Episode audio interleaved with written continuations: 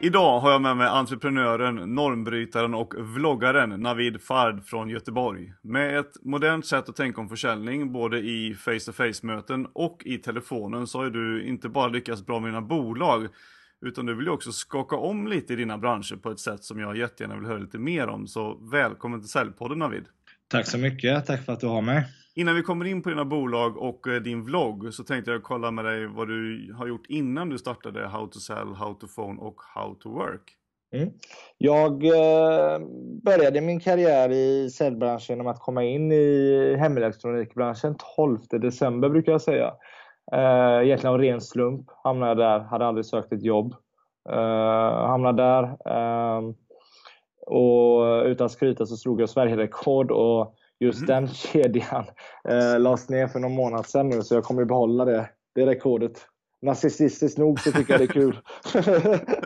eh, och eh, jag var där i ett bra tag och eh, fick ta ansvarsområden och coacha folk och, och bygga upp eh, eh, butik och vara med där. Mm. Och låg rätt bra till i ledande roll egentligen hela tiden i landet tills jag blev handplockad till Bilia Mm. Eh, var där i tre, fyra månader innan jag blev erbjuden att genom bilar då öppna den första Renault-anläggningen i Sverige. Mm. Eh, hoppa på det. Fördelarna var jättemånga. Nackdelen var väl att min tjänstebil gick från en Volvo till att bli en Renault. det, det, var, det var inte lika kul. Men, eh, men det var det var ju där egentligen företagandet började för mig. Jag, jag startade ett bolag med farsan när jag var 14-15 men men egentligen tog ju han all ansvar där och jag var mer ett, ett stöd. Men i det här fallet tog jag det mesta ansvaret när vi öppnade den anläggningen tillsammans med regionschef och säljchefen. Mm. Eh, allt från att uh, prissätta bilarna till att hur mycket ska vi köpa in till att okay, hur ska vi marknadsföra oss, hur ska det se ut i butiken eller egentligen i salongen. Mm. Eh, alla de här delarna. Jag var där, utan skryta ännu en gång, så slog jag Sverigerekord i bilbranschen där mm. det året. Kort därpå, en vecka efteråt så lämnade jag bilbranschen och lämnade alla i, i, i chock. Uh, jag tog ett drastiskt beslut att uh, det handlade inte om pengarna. Jag tjänade väldigt bra som 21-22-åring mm. på den tiden. Uh, alldeles för bra egentligen och jag var rädd att bli bortskämd. Jag var rädd för att fastna i, i det träsket om man säger så. Inte att jag inte skulle ha utvecklats och gått uppåt men jag kände att jag vill mer. Så jag slutade Uh, började i bemanning och rekryteringsbranschen och sen kort därpå började jag uh, plugga mm. på Handels här i Göteborg till ekonom. Uh, och samtidigt startade jag How efter ett tag. jag fick för mycket spring i benen så jag kunde inte hålla mig. så att jag startade. Så det var, och det var också en ren slump för att jag fick en förfrågan av IFS. det är Almis dotterbolag ja. ett systerbolag eller vad det ska kallas då i det här fallet. Eh, att hjälpa dem med säljet och av ren, ren slump där ännu en gång så föddes en affärsidé och jag tänkte ja, men då kör vi. Ja, härligt. Mm. Det, är, det är lite slumpen alltid känns det som när man kommer in på sitt entreprenörskap. Lite så är det. Jag tror inte det är många som har planerat egentligen att så här ska det gå till. Nej. Men vad var det som gjorde att du liksom startade ett bolag inom försäljning just då? Jag hade ju startat som sagt med farsan när jag var 14-15 ett, eh, ett konsultbolag inom ingenjörsbranschen. Nu, nu ska jag väl inte sitta här och säga att jag startade, det var ju han som startade, jag var som stöd, men jag hade ju fått lära mig väldigt mycket.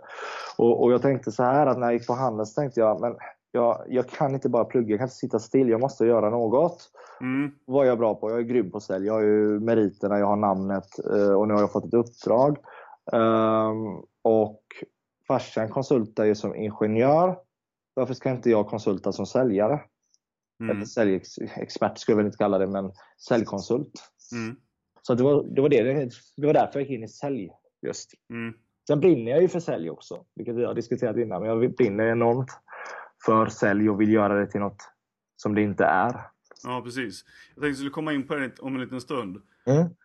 Men du, eh, inriktningen på de här säljbolagen, det är ju det är ju både face-to-face möten och eh, telefonförsäljning som jag fattar det. Mm, det stämmer. Uh, mm. Huvud, uh, eller moderbolaget How to Sell, vilket var den alltså första affärsidén jag hade, Eh, det var att vi har idag flertal bolag som ja, gör vissa delar i sälj, säg från prospektering, leadverktyg till eh, telefonförsäljning, till mötesbokning, till eh, coachning.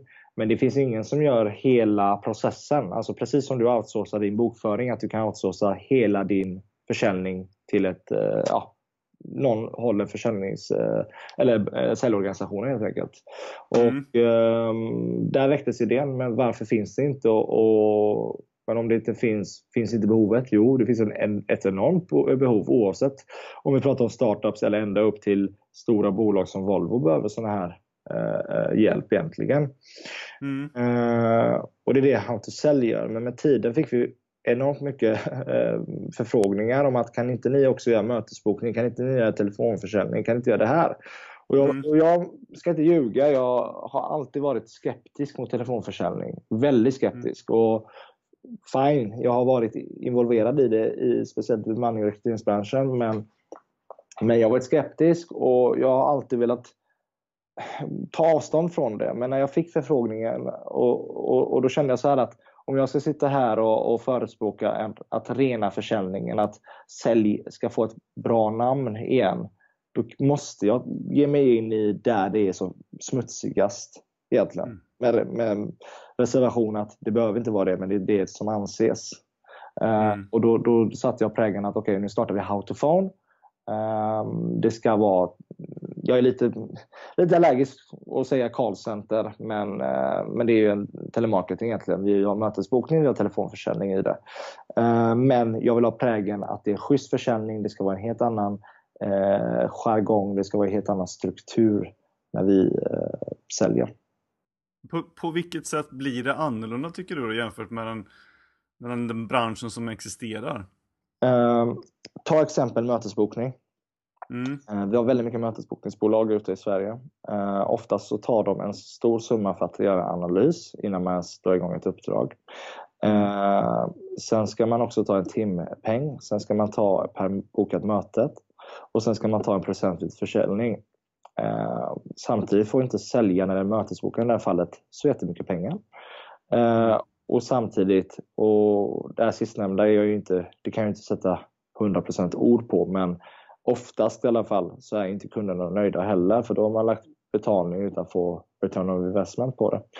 Ehm, vi ändrade det, vi sa vi, vi tar betalt när vi har levererat så att vi tar direkt per bok ehm, vi tar ingen timpeng, vi tar ingen analys, utan vi tar bara direkt per bok. Ehm, säljaren eller mötesbokaren ska få ett högt arvode så de känner att det här är eh, lukrativt för dem.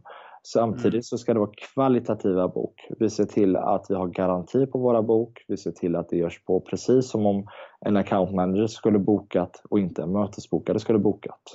Man trycker mm. inte ner eh, ett bok i halsen på någon utan man se till att det faktiskt är någon som vill träffa någon annan och vet vad agendan är och det är rätt person. Så som mm. man egentligen vill ha det. Mm. Schysst, schysst sätt. Men, vad, vad säger kunderna om de blir bemötta på det sättet? De säger vi kör. Ja. Nej, Dum fråga. Ja, jag var lite kaxig. Nej, men skämt åsido så ja, de flesta blir chockade faktiskt. Eh, de säger, mm. vadå, ska ni inte ta timbetalning? Ja, nej. Men ska ni inte ta vid affär? Nej. Och så har ni garanti? Ja. Liksom det blir för bra för att vara sant ibland. Uh, mm. Så vi får ju faktiskt, just nu får vi affärer utan att jag springer ut och försöker dra in affärer. Utan vi får det på word of mouth. Att ja, How to sell och How to phone, de är, de är grymma. De levererar liksom och de gör det på det här sättet. De vet att de levererar så de behöver inte ta en timbetalning. Så att kunderna är jättenöjda. Mm. Hoppas jag. Hur, hur säger de eh, som ni ringer till då? Känner de också att de blir bemötta på ett annat sätt än vanliga mötesbokare så att säga? Vi har ju inte dratt någon direkt eh, analys på det för att kunna vara 100% säkra, men av jag lyssnar ju alltid på ljudfilerna eh, i slutet av dagen. Och, mm. och och, märk, och man märker ju lite om man har, har lite fingertoppskänsla och det är att de känner inte oftast att det är mötesbokare. De tror ju att det är personen som ska komma ut. Vi får ju ofta säga till dem ah, du kommer få träffa ja, i det här fallet till exempel Oskar säger vi. Mm. Och det är ju ett tecken för mig att okej okay, då har det varit så pass bra att uh, han, han, eller hon har lyckats skapa en relation på telefon. Och det innebär mm. att kunden, eller potentiella kunden, ändå är nöjd med detta och tycker det är Mm. bra. Jag tänker, du du har gjort dig lite känd för att tänka lite annorlunda om försäljning och du skriver ju även på din vlogg att, att du är normbrytare. Och det kanske är lite svårt att sätta ord på exakt vad det är, men vad, vad, skulle, du tänk, vad skulle du säga att det är att du tänker annorlunda om sälj? Saken är Som normbrytning. Ja, precis. Saker, nu, nu har jag själv utnämnt mig till normbrytare, men Det får man göra. Kaxigt nog. Nej, men för mig är normbytare någon som går emot strömmen och det, det har jag alltid gjort i hela mitt liv egentligen. Eh, sen finns det ju folk som gillar att säga det. Alltså, Om vi säger så här, det har blivit trendigt att säga att eh, ja, jag är emot jantelagen till exempel. Det har ju blivit trendigt, Mm. så egentligen är du inte normbrytare om du säger du är emot jantelagen längre. Utan det är, då är du faktiskt med i trenden exempelvis. Men jag har varit normbrytare på det sättet att jag har alltid sagt att jag är ingen säljare. Jag är Navi Fard, men jag är väldigt bra på sälj. Mm. På samma sätt eh, kommer normbrytningen här att för mig är det viktigt att jag och How to Sell, eller mina bolag, mina säljare, mina, min personal går sin egen väg. Vi behöver inte ta på en kostym för att sälja. Vi tror på att man säljer sig själv. Och det är Mm. väldigt ovanligt idag att prata om att okej, du, de här mjuka värdena, vi säljer oss själva. Vi säljer inte, vi tar inte på den här säljkostymen som vi pratar om. Eh, man behöver inte ha slips och kavaj för att gå in på ett möte med en ledningsgrupp och lyckas, utan du kan faktiskt vara dig själv. Vi alla kommer ha pyjamas när vi kommer hem och på kvällen. Liksom. Jag, jag kan nämna hundra olika exempel varför, men, men det jag vill nämna främst skulle jag vilja säga är för jag vågar sticka ut hakan och säga att det är okej att vara den du är. Mm. Och därför vill jag säga att jag är normbrytare. Oavsett vem du är, vart du kommer ifrån, vilken läggning man har, vilken attityd man har, så är sälj ett internationellt språk. Det är inte vad, om vi säger så här då Mattias, vi båda har jobbat inom sälj. För dig kan sälj vara en grej, för mig kan det vara helt annat, men båda är fel. Mm. Är du med vad jag menar? Precis. Det är som eh, Henry Ford. Han sa att oavsett om du tror att du kan det eller om du tror att du inte kan det så har du rätt. Exakt. För det är känslor. Och det, är Mm. det, det, det, det är så jag ser det. Vi, jag har fått höra hela min uppväxt egentligen. I filmer, från lärare, från vem som helst. att Affärer, eh, det finns inga känslor i affärer. Det var en av första gångerna jag fick eh, lära mig när jag kom in i säljbranschen. Men jag vet, det finns inga känslor i affärer. Kom ihåg det. Mhm. Jag sa nej, det stämmer inte. Jag bestämde mig redan från dag ett. Det stämmer inte. Affärer, sälj handlar om relationer. Relationer handlar om känslor. Och därför gör jag alla mina affärer med känslor. Ja, Och därför, Snyggt sätt att säga. därför kan det inte vara... Ja, tack. Och därför kan, det, därför kan det inte vara att jag eller du har rätt eller fel. Utan känslor är, känslor är inte rätt eller fel. Nej. Så att sälj, självklart kan vi träna teknik, ena och andra, men sälj för mig kan vara helt annat för dig. Det viktiga är att det funkar, det viktiga är att man skapar relation. Men vad, vad, om du reflekterar tillbaka då på både elektronikbranschen och bilbranschen som du var framgångsrik inom då. Vad kan du själv komma ihåg att du gjorde annorlunda mot de andra som gjorde att du kunde slå de här rekorden? Eh, om vi börjar med hemelektronikbranschen. Var det egentligen bara för jag sprang mer än alla andra gjorde. Jag kommer ihåg första halvåret tog jag inte en enda lunch. Nu är det inget jag egentligen förespråkar att man ska göra för jag tycker att någonstans på vägen måste man ha en balans i livet och äta och träna och, och sova ordentligt. Eh, men, men det var lite det att jag förstod hur man skulle eh, prata med folk. Jag visste också att varje gång du inte är ute på golvet är det någon annan som kommer ta din affär. Jag visste att eh, det, här är en kontaktsport i hemelektronikbranschen. Du kommer inte kunna påverka som kalla samtal. Kalla samtal kan du själv dra in affärer.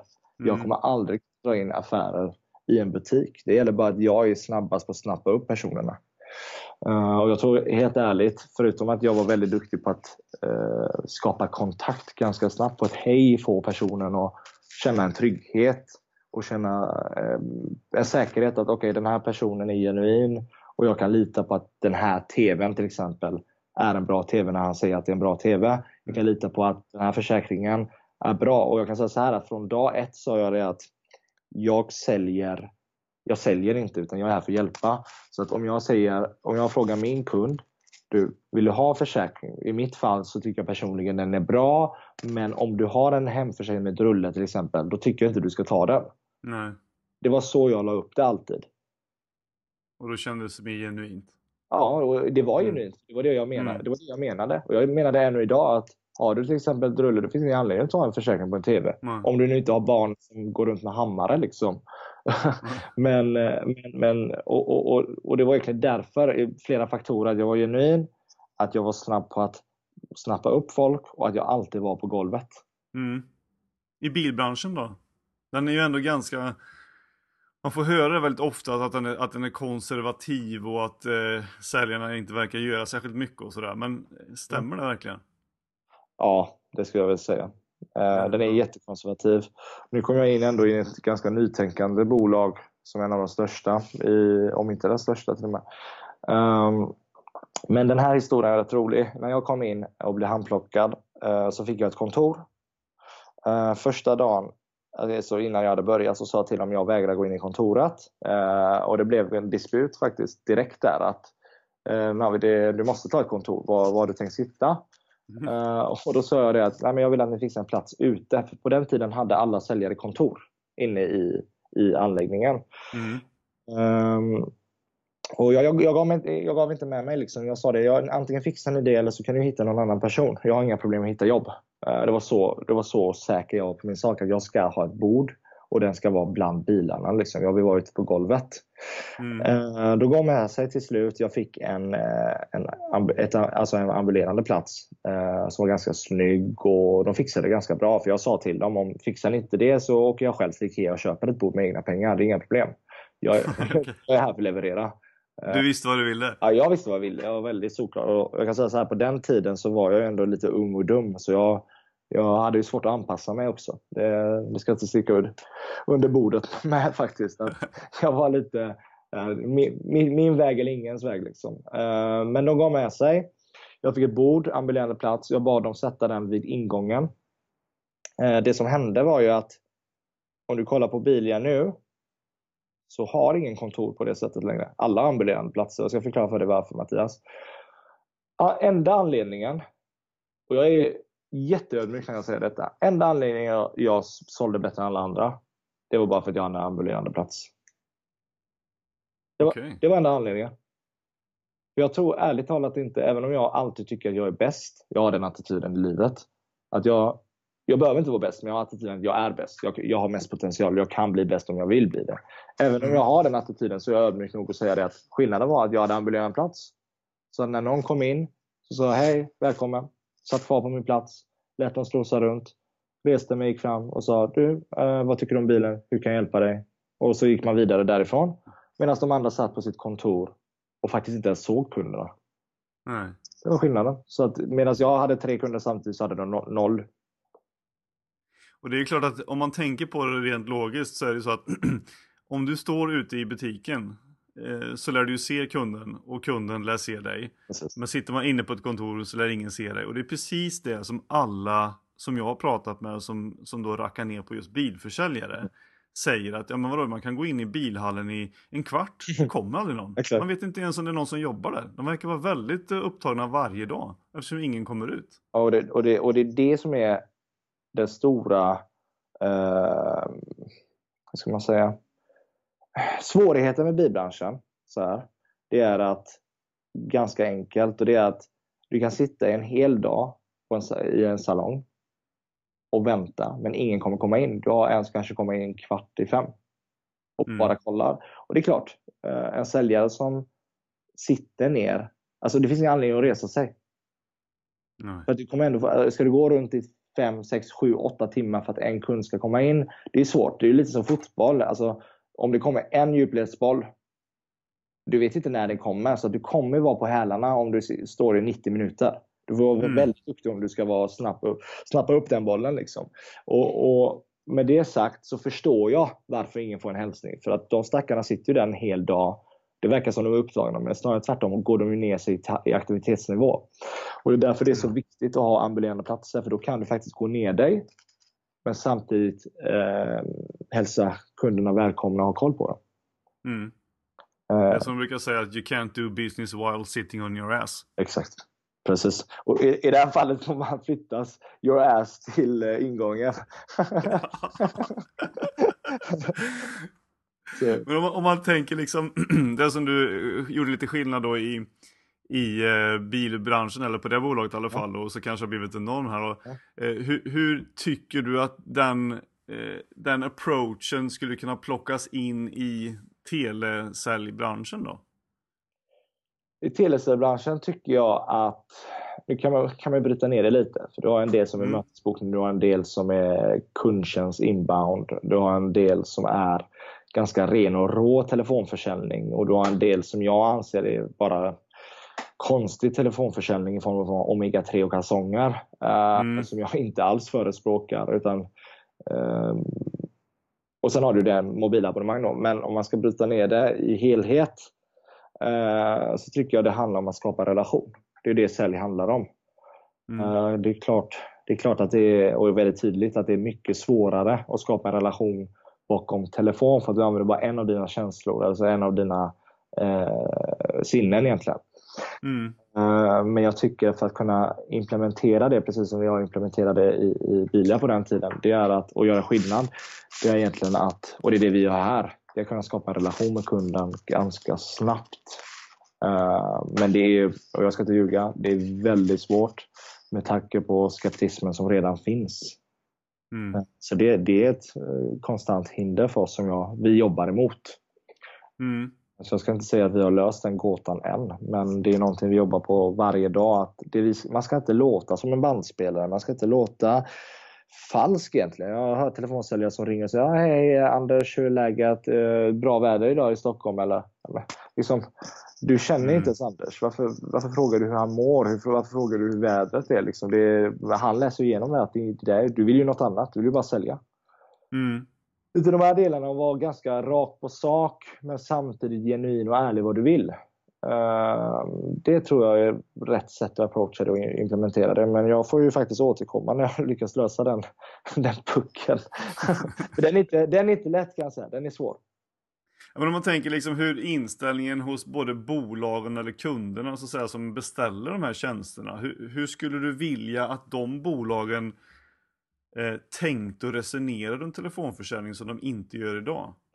Problematiken är lite så här. Att någonstans på vägen så började man fulsälja och utnyttja telefonförsäljning.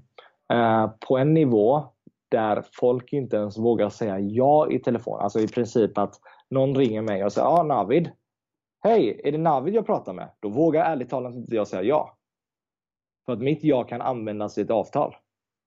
Och det... Ja, du menar att man klipper in det i en ljudfil? Att, ja. Du har ju sagt ja här. Ja, precis. Och, och, det har gjorts och de har lurat folk. Och, mm. och någonstans på vägen hände detta. Uh, och det har följt med. Så att skeptismen och rädslan och fördomarna, de här tre, de förstår jag. Och det är mm. fel att det har blivit så. Det är lite som det är ett brott egentligen, brukar jag säga. Det är, och det är också ett problem att det inte värderas som ett brott. Jag menar ett bolag som lurar en pensionär, säg på 36 månaders abonnemang som kanske kostar i totalen 36 000. Min. Mm. Det är ju precis som att någon går in hos din farmor och stjäl 36 000. Mm. Så, att, så att egentligen till din fråga eh, hur företagen ska göra jag tycker man ska vara öppensinnad. Jag tycker man ska lägga undan skeptismen. Jag tycker det, men jag tycker samtidigt att till och med jag är skeptisk. Till och med jag vågar inte egentligen säga ja ibland i telefon om jag hör att oj, det här låter lite skumt faktiskt. Och det, det kommer komma säkert till detta i samtalen, men jag kommer jag har projekt på sidan där jag vill implementera för att kunna säkerställa vilka bolag som är seriösa och inte. Mm. Och jag tror det är därifrån man måste börja. Men jag menar, hur, hur, ska man komma till rätta med det? För jag menar, telefonsäljarna eh, har väl någon form av riksförbund eller bolagen som, som nyttjar telefonförsäljning har någon form av riksförbund där man de här frågorna måste diskuteras lite då och då eller? Mm, de har ju det men uh, tydligen funkar det inte. Nej. Tydligen är det ju alldeles för slappt uh, och ingen koll. Utan jag tror det viktigaste nu eftersom det redan gått för långt eftersom man inte satte den gränsen på den tiden och det är det jättelångt bak nu. Men mm. nu är det för sent. Nu handlar det om att släcka bränder och hur släcker du en brand? I det här fallet tycker jag är att du sätter en licens på folk. Eh, ett, inte ett diplom, men en stämpel, en säkerhetsstämpel. Att det här är ett seriöst bolag. Lite som bemanning och rekryteringsbranschen har. Att, det här, mm. att, de får, eh, att de har konsulter, det här är seriöst. De följer, mm. De, följer, de gör sina tester och de följer detta och det ena och andra. På samma sätt måste vi ha det i sälj. Mm. Och det, det är ett måste. Vi måste kunna urskilja riktig försäljning och, och lurendrejeri. Mm. Eh, och det, och det projektet har inget att tag i, men jag kommer göra det. Och jag hoppas på att eh, seriösa aktörer i säljbranschen vill följa med på detta. Men hur, hur säkerställer man det då? Vi jobbar just nu på det egentligen. Uh, och i korta drag så tycker jag genom referenser, genom tester, genom eh, rykte är svårt att säga för vem som helst kan förstöra och höja ett rykte. Eh, men precis så som du säkerställer sig i bemanning och rekryteringsbranschen där du får gå och, och påbevisa din seriositet och egentligen din verksamhet, att det här stämmer, det här är rätt, vi gör på rätt sätt. På samma sätt i sälj. Eh, men jag kan säga så här, vi är inte klara med projektet så det är svårt för mig att säga exakt hur. Det enda jag kan säga är att på något sätt måste man gå igenom någon, någon utvärdering tycker jag. Jag tänker att det är liksom ett, ett ganska viktigt eh, projekt i sådana fall och eh, mm. försöka städa upp lite grann och återskapa mm. ett eh, positivt rykte om man nu kan säga så. Eh, om mm. det går. För jag menar, mm. telefonen är ju trots allt det billigaste och enklaste sättet att skapa kontakt med andra människor. Och då kan det inte få vara så att det är en kanal som är helt obrukbar. Exakt. Stämmer. Det är, lite, det är därför vi måste fixa det. För att vi kan inte, en, en hel kanal kan inte försvinna, vilket det redan håller på att göra. Mm. Kollar du på det så börjar man mer och mer, ta mobilabonnemangsbranschen liksom. Eller mm. telekombranschen rättare sagt.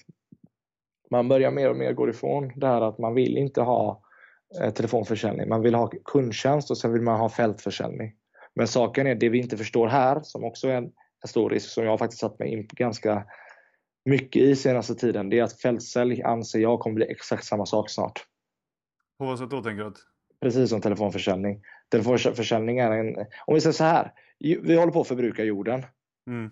Om man säger ja, om, eh, jag vet inte, om 100 eller 1000 år så måste vi flytta därifrån för att vi har förstört vår planet. Mm. På samma sätt så förstörde vi en kanal som var telefonförsäljning. Nu är det inte för sent, men vi har, för, vi har för, smutsat ner det. Liksom. På samma sätt håller man på att göra det med fältsälj, enligt mig. Och på det sättet att man, det, det är inte alltid ren mjöl i påsen när man går ut och kör fältsälj. Mm. Så det måste finnas en utvärdering, det måste finnas en säkerhet och det, det är flera faktorer där eh, med fulsälja enligt mig. Det är, inte, det är inte säljarna som ska utvärderas, det är företagen. Eh, lika mycket som en säljare kan göra en ful, en ful affär så kan det vara bakomliggande att ett bolag tar in 100 personer och sparkar 97 stycken på en dag. Mm, okay. Jag menar? Det är en ganska, det är ganska tydlig, eh, vanlig och tydlig modell där man tar in jättemånga och den som inte, de som inte levererar åker ut inom loppet av en dag. Man får en halvtimmas utbildning. Mm. För, för man levererar inte. De här tre stackarna som är kvar kommer behöva göra allt de kan för att leverera. Mm. Det, finns, det finns inga riktiga, alltså tydliga och, och säkra eh, lönemodell. Så, så att det, om man säger så här, det finns säljare där ute som är väldigt duktiga i början på sin karriär men kanske tjänar ja, 6 000 i månaden brutto. Mm. Medan arbetsgivaren tjänar jättemycket pengar, eh, drar in affärer och det ser jätteschysst ut utåt. Och man kan utåt tro att ah, det är ren försäljning här. Det är liksom, men Ja, det kanske är ren försäljning men du trycker åt dina säljare så pass mycket att någonstans på vägen kommer de bli desperata och behöva fulsälja. Mm. Det är som att hålla ett djur hungrigt. Mm. Det kommer attackera Precis. någon till slut. Precis. Och det, Då har inte fått rätt förutsättningar från början heller såklart. Exakt, och då är det en fulförsäljning som bedrivs av verksamheterna. Telekombranschen, vågar, nu kanske jag får skit för detta, men jag vågar sticka ut hakan här och säga att telekombranschen, som vi själva har jobbat med och valt nu och, och, och inte samarbeta med på det sättet, eh, anser jag eh, får skylla sig själva att det finns fulförsäljning. För att man vill inte visa varandras bindningstider på eh, alltså bindningstiden på kunderna till varandra. Och det mm. som händer i telefonen är oftast då att man får gissa sig fram bindningstiden. Vilket ger utrymme att man i avtal kan säga Du Anders, eh, du sa att det stämde att det går ut 8 mars. Ditt abonnemang, det stämmer va? Enligt dig? Ja, säger Anders. För att du har sagt innan avtal ja, men 8 mars går det ut. Mm. Och så går Anders tillbaka och säger oj, eh, det går inte alls ut 8 mars utan det går ut 14 februari 2018 till exempel. Nu måste jag betala ett år extra. Och Då kommer Anders ringa dig och säga du eh, Navid, eh, jag har eh, kollat det här och det stämmer inte det du sa. Och Då säger Navid, du Anders, eh, det är inte jag som sa det, lyssna avtalet. Jag frågade om det stämmer och du säger ja. Mm. Ja. Och sitter med en rävsax. Ja, lite så. Och, och varför gör säljaren det? För att bolaget gör det. Varför gör bolaget det? Eller det är för att bolaget har lärt ut det och det är den jargongen som finns det på det bolaget. Kommer du in i ett bolag där åtta personer gör samma sak och du är den nionde så kommer du hänga på detta. Eh, Det är ganska tydligt. Och varför gör de det? För att telekombranschen i sig gömmer den här siffran. Alltså de, göm, de vill inte visa varandras bindningstid och då måste man komma runt det på något sätt. Det går ju inte. Mm. Till slut blir det på det sättet. Så det är ett ansvar alla måste ta. Och det kommer oftast uppåt, men om inte uppåt vill rätta till sig så måste vi nerifrån fixa det. Mm. Ja, det är lite synd det där, för det blir ju liksom Det finns ju inget liksom eh, en, en själv, vad ska man säga, att det, det finns inget eh, ingen rättighet att ha ett bolag egentligen. Och det finns ingen rättighet att ha ett bolag med dåliga produkter. Mm. Och, där, och har man då det så är man då tvungen med desperata metoder att sälja det. Eh, och då gör man det på ett eh, ganska trist sätt. Och då får man ett, eh, ett dåligt rykte.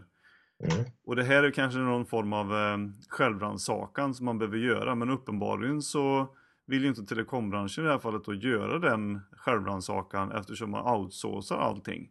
Mm. Alltså om, jag, om någon blir uppringd, ja, jag ringer på uppdrag av. Eh, då kommer jag ju aldrig kunna komma åt det telefonbolaget utan ja men det här har du, avtalet har ju du gjort med våran underleverantör, det får du ta med dem.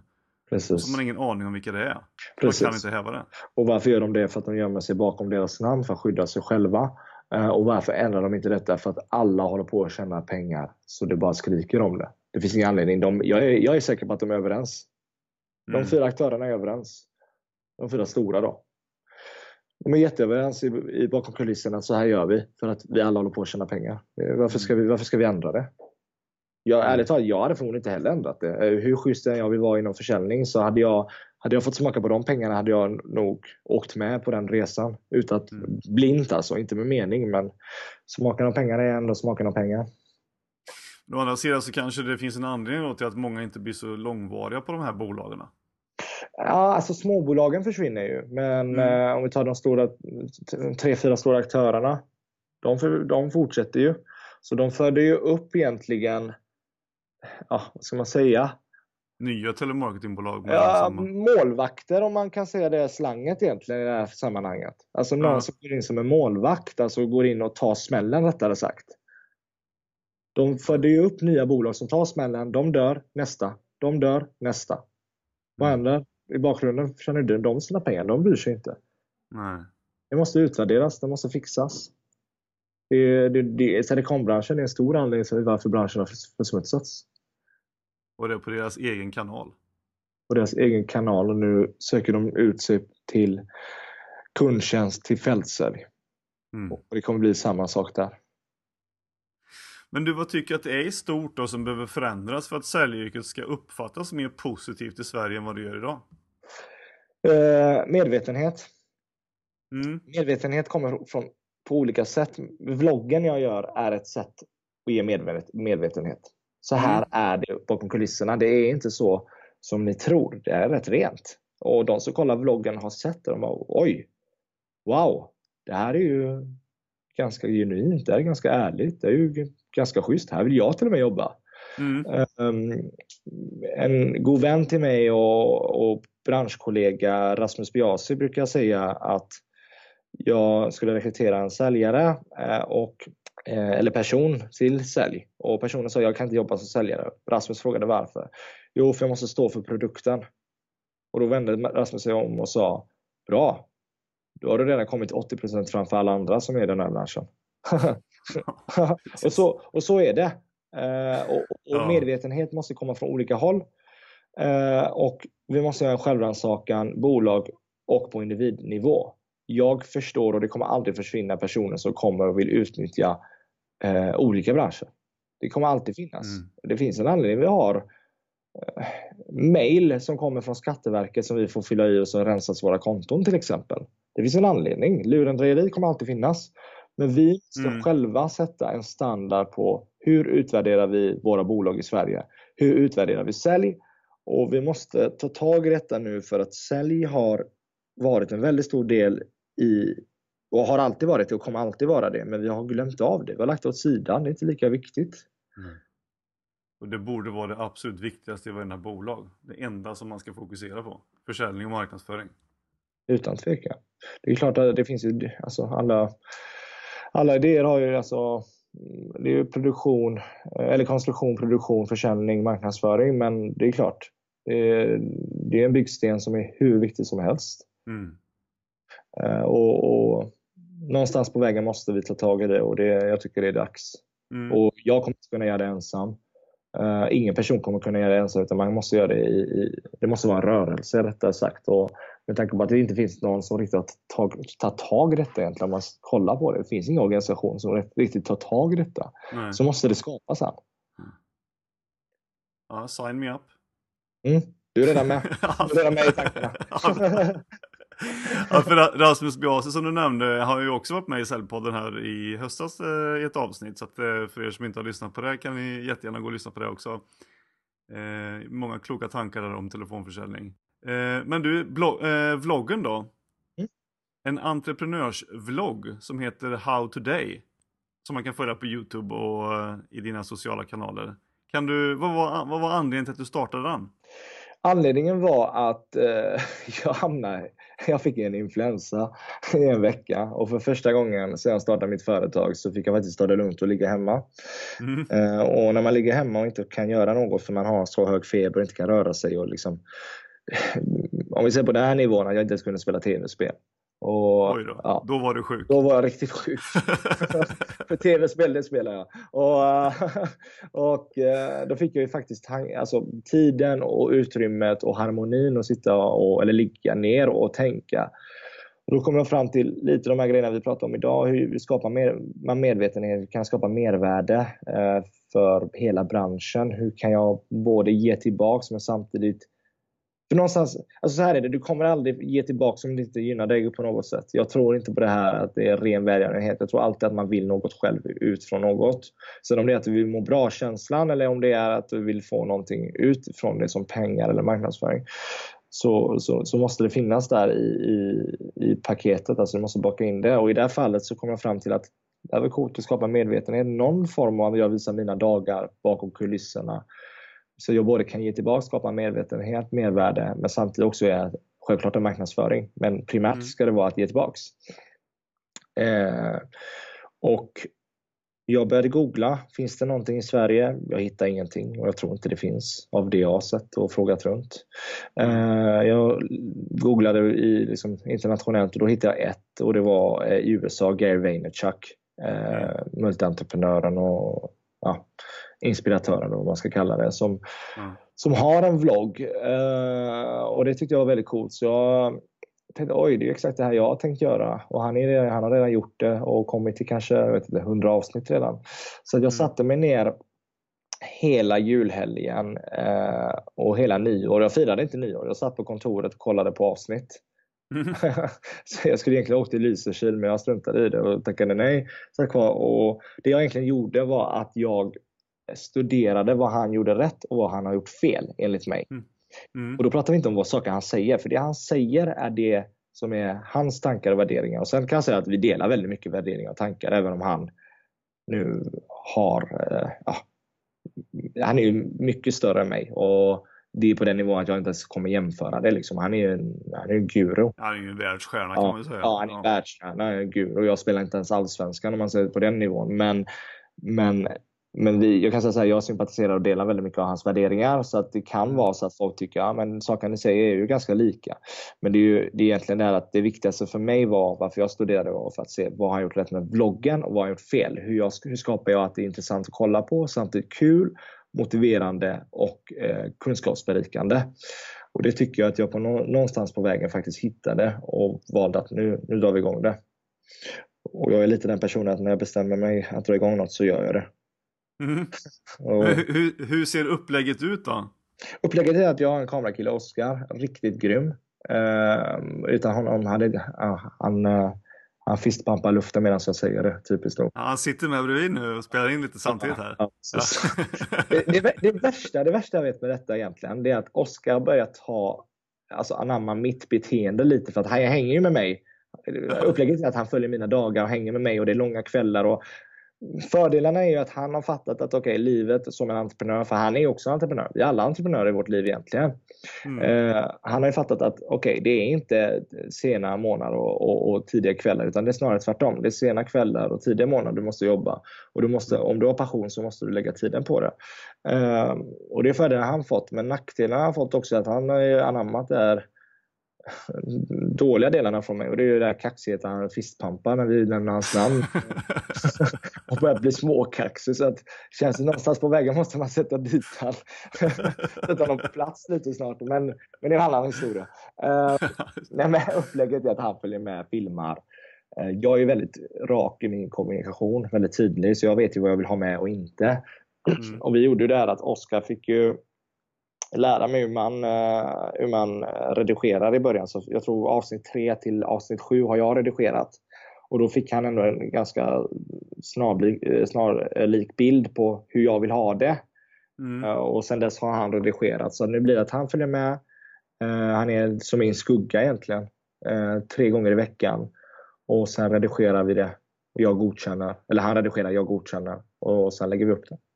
Mm. Men hur mycket multi-channel kör ni då? Kör ni liksom att ni live-streamar ibland och spelar in ibland och eller så? Eller hur, hur mycket i, i en kanal är det så att säga? Mm. har ni flera? Vi har flera. Vi har lagt fokus på att eh, lägga upp det på Facebook. Facebook är fokus mm. och där har vi haft ja, som mest 36 700 tittare på ett avsnitt. Eh, mm. Och det pendlar väl runt 10-15, ibland till och med nere i 5. Men det är säg 5, 5 till 20 pendlar vi mellan. Mm. Tusen tittare. Eh, och eh, sen lägger vi det på Youtube, vilket inte har jättemycket tittare för vi har inte lagt fokus på det. Jag har med mm. mening satsat på Facebook för att tydliggöra att jag inte gör vloggen för att tjäna pengar, för du tjänar pengar på Youtube nämligen. Facebook mm. gör inte det. Nej, enligt social selling så tror jag Facebook kommer bli, eh, inte större än Youtube, men kommer bli en stark konkurrent i form av eh, videos. Vilket det mm. redan är, men i en sån här syfte av vlogg tror jag faktiskt det kan vara en jättefördel att ligga på Facebook, inte Youtube. Men det är en annan diskussion. Um, jag använder alla kanaler, Instagram, Snapchat, allting. Uh, men jag pratar deras språk. Mm. Jag aldrig lägga en vlogg på en Instagram, utan jag lägger kanske en trailer eller något fräckt som hände i vloggavsnitt som inte kom med, till exempel på Instagram. På Snapchat visar jag bakom kulisserna av bakom kulisserna om du förstår vad jag menar. Mm. Så att de får ju se Oscar plötsligt filma mig för vloggen. Mm. Eh, och eh, på LinkedIn försöker jag dela med lite kunskap eller lite motivation eller bara någonting som har hänt mig någon gång. Så det är de delarna jag gör med kanalerna. Men det är Facebook som är fokus. Hur tycker du att det funkar med Snapchat då? Och eh, marknadsföring? Snapchat kommer bli det stora. Nästa mm. stora grej. Jag är säker på det. Jag är så säker på det så att det bara... Jag kan satsa pengar med dig nu Mattias. Det är på den nivån. Att jag vet mm. att Snapchat är... Det är så bra. Nu har ju Instagram i och för sig lagt till en liknande funktion. Facebook har lagt till en liknande funktion. Men, men Snapchat är där ungdomarna hänger. Mm. Och många ungdomar hänger inte ens på Facebook. Det är sanningen. Nej, deras morsor och farsor är ju det, så det är inte kul. Ja, precis. Så att de gömmer sig på Snapchat ja. och, och, Instagram. Och Saken är att ska du kunna lyckas, enligt mig, eh, med social selling eller marknadsföring eller medvetenhet, så måste du nå alla forum. Jag bryr mig inte om det är Anders, 50 år, som kollar på vloggen, eller min dag, eller om det är Erika, 13 år som tycker det här är coolt och vill gå in i säljbranschen när hon blir stor. Mm. Um, eller 25-åringen. Men uh, jag tror Snapchat kommer bli stort för att det är snabbt och du kan dela din dag på 10 sekunder och det är där den publiken är som kommer ha mest uh, påverkan på sociala medier. Just det. Och, det kommer, och jag kan säga så här, den som är smart nog nu och det är råd jag ger till alla mina eh, kunder eller partners eller affärskollegor öppna Snapchat. Strunt i om det är en tittare du har. Det kommer bli stort. Folk kommer börja följa dig. Sen får du smart, vara smart att försöka liksom få folk att komma till Snapchat genom den andra sociala medier. Men, men folk kommer följa det för det ger en helt annan inblick på din dag. Mm. Men man tänker liksom, du är ju rätt aktiv då i sociala medier. Men tycker du att, det, att man måste vara det som säljare idag för att kunna liksom vara en modern säljare? Alltså det finns ju mycket diskussion om modern försäljning och modern säljare och det är ganska diffust egentligen. Alltså det är lite så här att sälj är sälj. Jag menar som jag sa mm. förut, det finns inget rätt eller fel. Du gör det så som du tycker är rätt eller inte. Uh, och uh, så här är det att det skapas flera arenor om man säger så. Uh, är du inte överallt så kommer du förlora någon publik. Är, jag, är inte jag på LinkedIn så förlorar jag en stor publik som hänger där. Mm. Potentiella kunder egentligen. Så att med det sagt så tycker jag att om du som affärsman eller kvinna, entreprenör, företagare, säljare vill kunna få ut det mesta du kan så måste du vara på alla delar. Men, mm. men samtidigt, är du så grym att det räcker att gå på möten och du fyller dina dagar och du fyller din kompetens och du fyller allting. Spring på möten.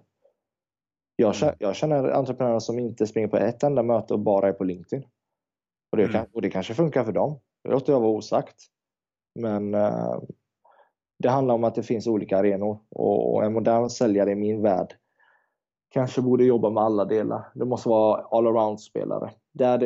och sen är det så här att hastighet kommer alltid slå kvalitet. Jag förstår vad folk menar när de säger att ja, jag kommer inte hinna vara på LinkedIn. Men det gör du faktiskt. För att är du snabb nog och kan lägga en timme per kväll ser vi på LinkedIn så kommer du vinna. Jag har fått jättemycket affärer genom LinkedIn och då har inte jag gjort någonting utan bara, egentligen bara ge ut kunskap. En sån enkel grej att jag skriver jag älskar måndagar. Mm. 100 likes och en affär. och jag gjorde ingenting. Bara konstatera att det är måndag igen. Ja, exakt. Värt 100 000. en sån enkel grej.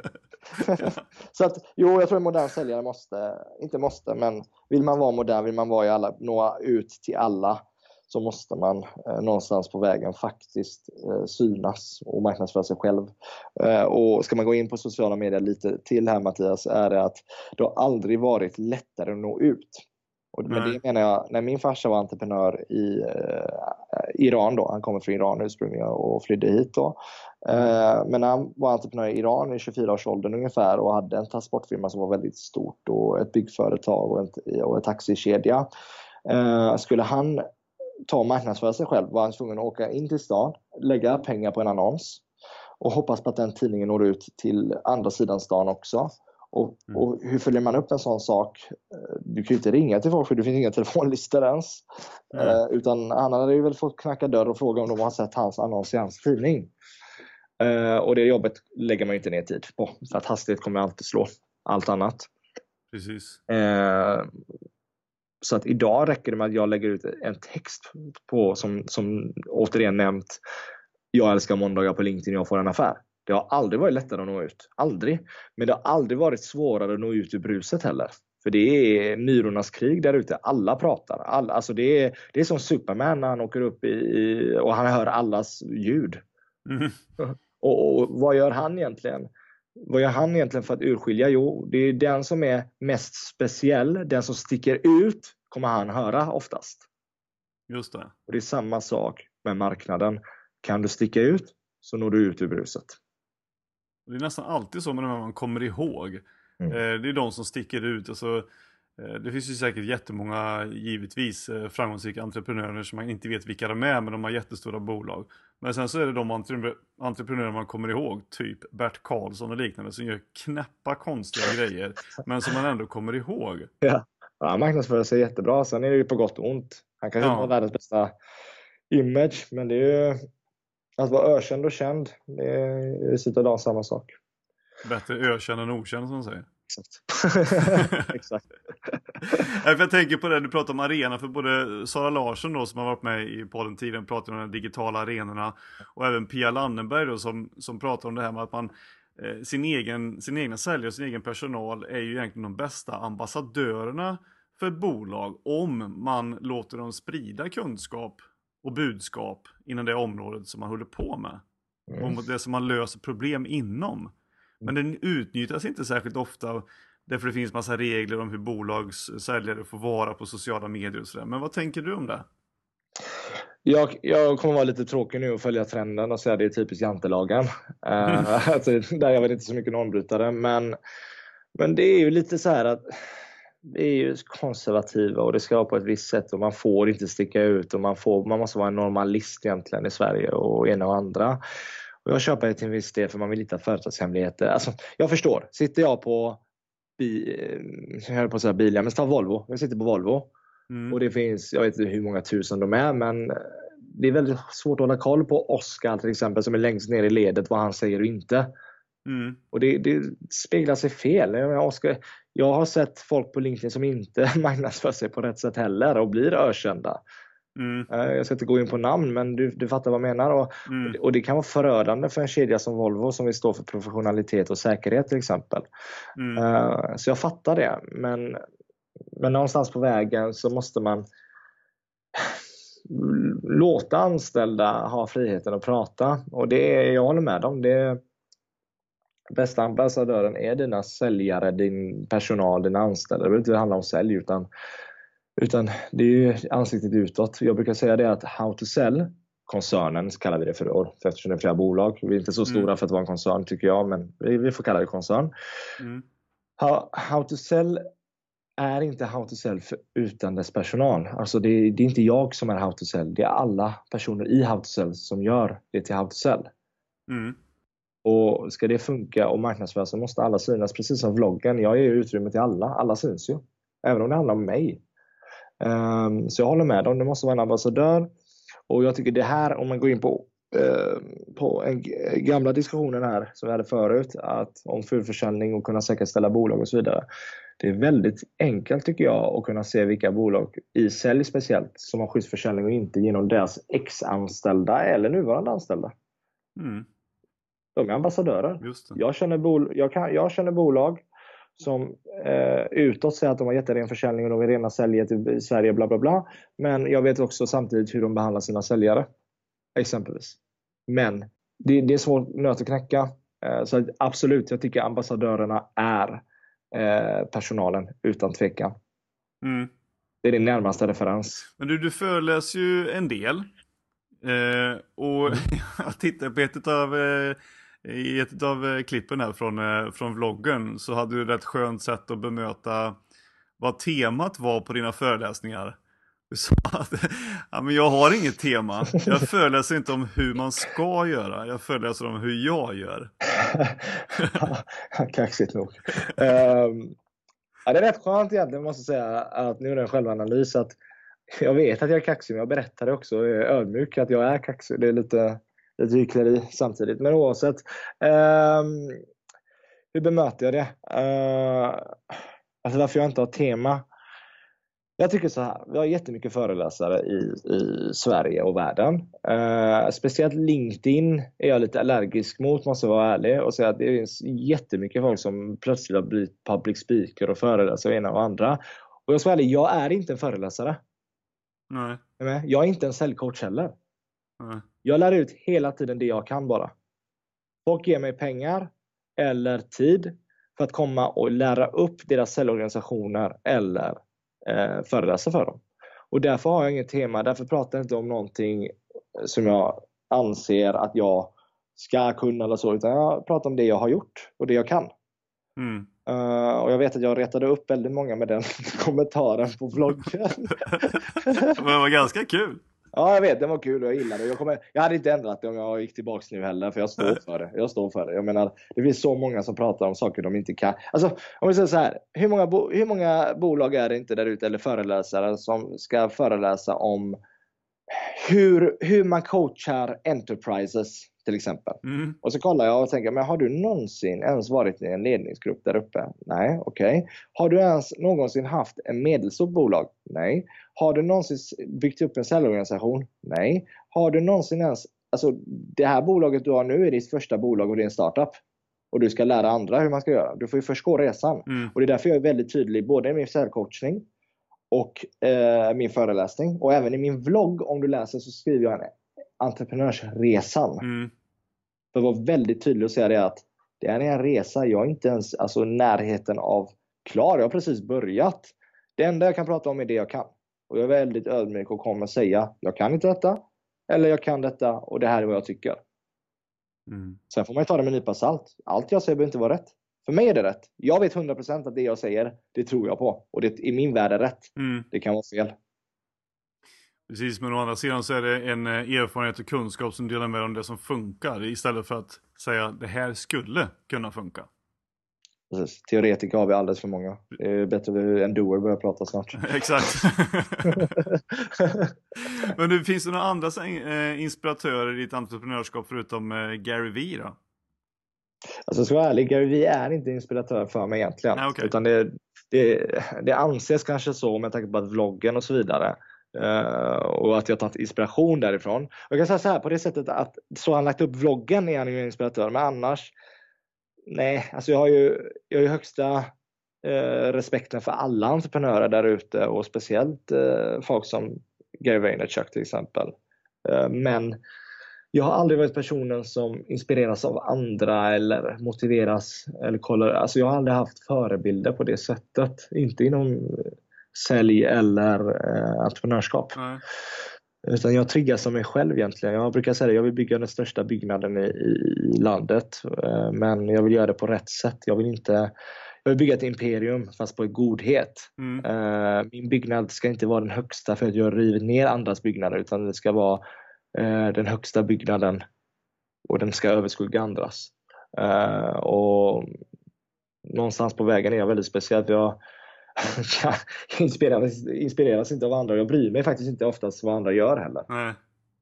Eh, och det kan vara en nackdel, det kan vara en fördel. Men eh, om vi säger så här, många entreprenörer, eh, och det är lite trendigt också på LinkedIn när man pratar om böcker man läser och hur många böcker läser du på en månad och så vidare. Jag personligen har läst en bok i mitt liv. Fast jag har gått på universitet. har du haft ljudböcker läst ändå? Nej, alltså jag, jag, jag, inte ens ljudböcker. Det är på, den, det är på den nivån. Jag, lä, jag läser inte böcker och ska förklara varför. Enda boken jag har läst, och den läste jag med svårighet. Nu menar jag inte att jag har dyslexi eller jag inte förstår vad som står. Utan jag, jag är alldeles för rastlös för att kunna sitta och läsa. Mm. Eller lyssna på ljudbok. Uh, och jag tror du märker det till och med när vi pratar just nu att jag liksom vrider mig i stolen och det, det kommer ljud och ena och andra. Liksom. Men uh, det är lite så att enda boken jag har läst är eh, Jag är Zlatan-boken.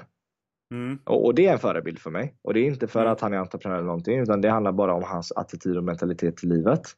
Mm. Uh, varför jag inte läser andra böcker? Jag får förfrågningar hela tiden om detta. Varför läser du inte böcker? Och det är samma anledning jag inte inspireras av andra. Det är för att jag vill gå min egen resa. Uh, jag anser att böcker ger dig absolut kunskap och uh, vägledning hur du hoppar över dina hinder. Eh, men hittills har jag lärt mig själv hur jag ska hoppa över mina hinder. Och sanningen är så här att varje gång folk har sagt till mig att någonting inte går, ta How to Sell. När jag startade How to Sell så sa de till mig Navi, det här går inte. Du kan inte öppna ett bolag på det här sättet och för ren försäljning, det är för dåliga marginaler. Folk skrattade åt oss, det här är ingen affärsidé. Eh, och ren försäljning, bla bla bla och så vidare. Ja, sanningen är så här, vi hade varit 5-10 gånger större om vi hade ah, ja, gått efter de andra normerna då. Mm. Eh, men jag var den här vägen och nu får vi affärer på grund av vårt rykte. Eh, och på samma sätt vill jag inte läsa en bok som ger mig tips på hur jag går över hinder utan jag vill själv lösa hur jag går över mina hinder. Och vem vet, jag kanske hittar en annan väg runt den. Precis. Och det är egentligen därför jag inte läser. Det kanske blir så till slut att du skriver den här boken istället som du skulle vilja läst. Exakt, och blir, blir, och blir en hycklare. men, men, men förstå mig rätt här också jag anser att alla människor är olika. Eh, och med det sagt, lär du dig av att läsa kommer du bli bättre människa, bättre säljare, bättre din karriär, bättre entreprenör eller vad det nu ska vara. Så tycker jag man ska läsa. Jag personligen är inte lagd på det sättet. Jag vet, jag vet hur jag funkar. Jag, vet, jag har självinsikten nog och vet att jag kommer lära mig genom att göra. Och jag lär mig på en annan nivå när jag gör det. Mm. Uh, och där, och, så det är inte så att jag sitter här och säger att man inte ska läsa.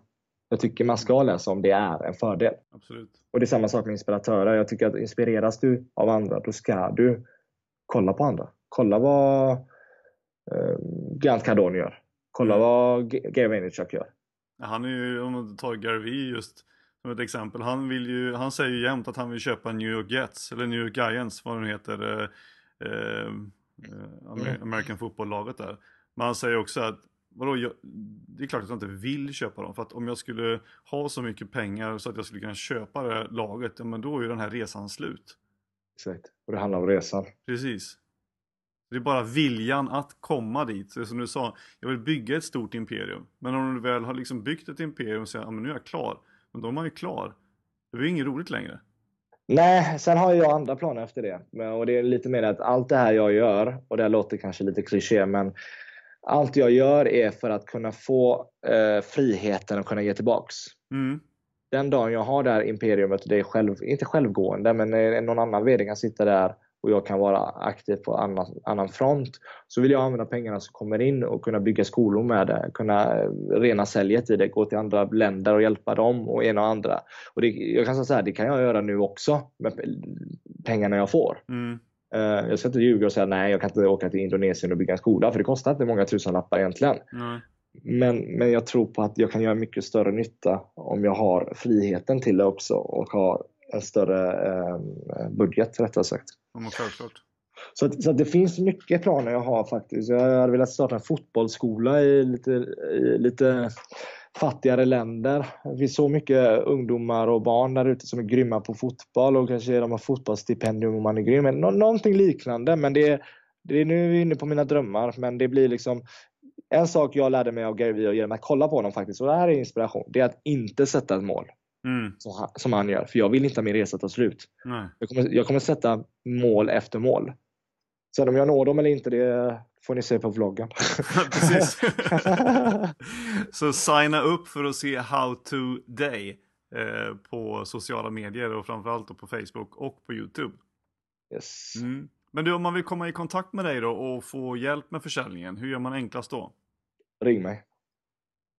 Då lägger Ring mig. upp eh, länkar till det på... Ja. Ring, ring mejla. Ring, jag kommer alltid svara. Mm. Så att eh, Och numret finns på howtosell.se. det ska finnas, men du får, jag kan skicka det till dig så kan Ja, du lägga upp det. lägg upp det. Perfekt. Och lite länkar till sajten och Nej. så. Ja.